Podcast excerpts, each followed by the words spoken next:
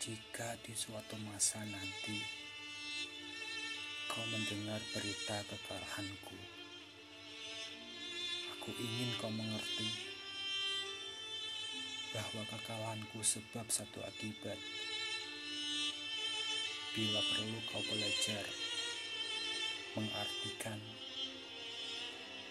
bahwa seseorang sepertiku ada ketika kekalahanku telah tiba. Aku tak ingin menyalahkan siapa pun.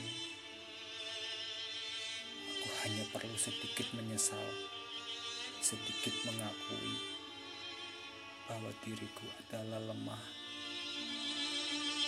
yang merasa ternajis ketika harus berdoa kepada Tuhan Yang Maha Esa.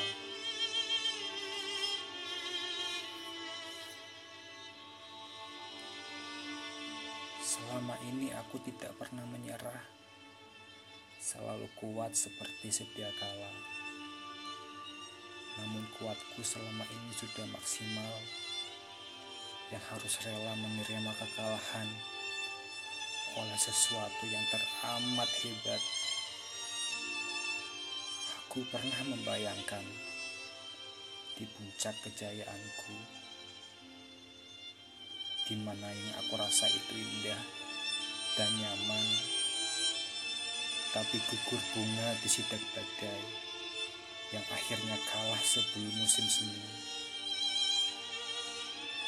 Aku harap suatu saat kamu akan mengerti bahwa beginiku sudah bertepi yang merasa lelah dengan drama kehidupan dan bersiap menjelma menjadi penjajah di kayangan.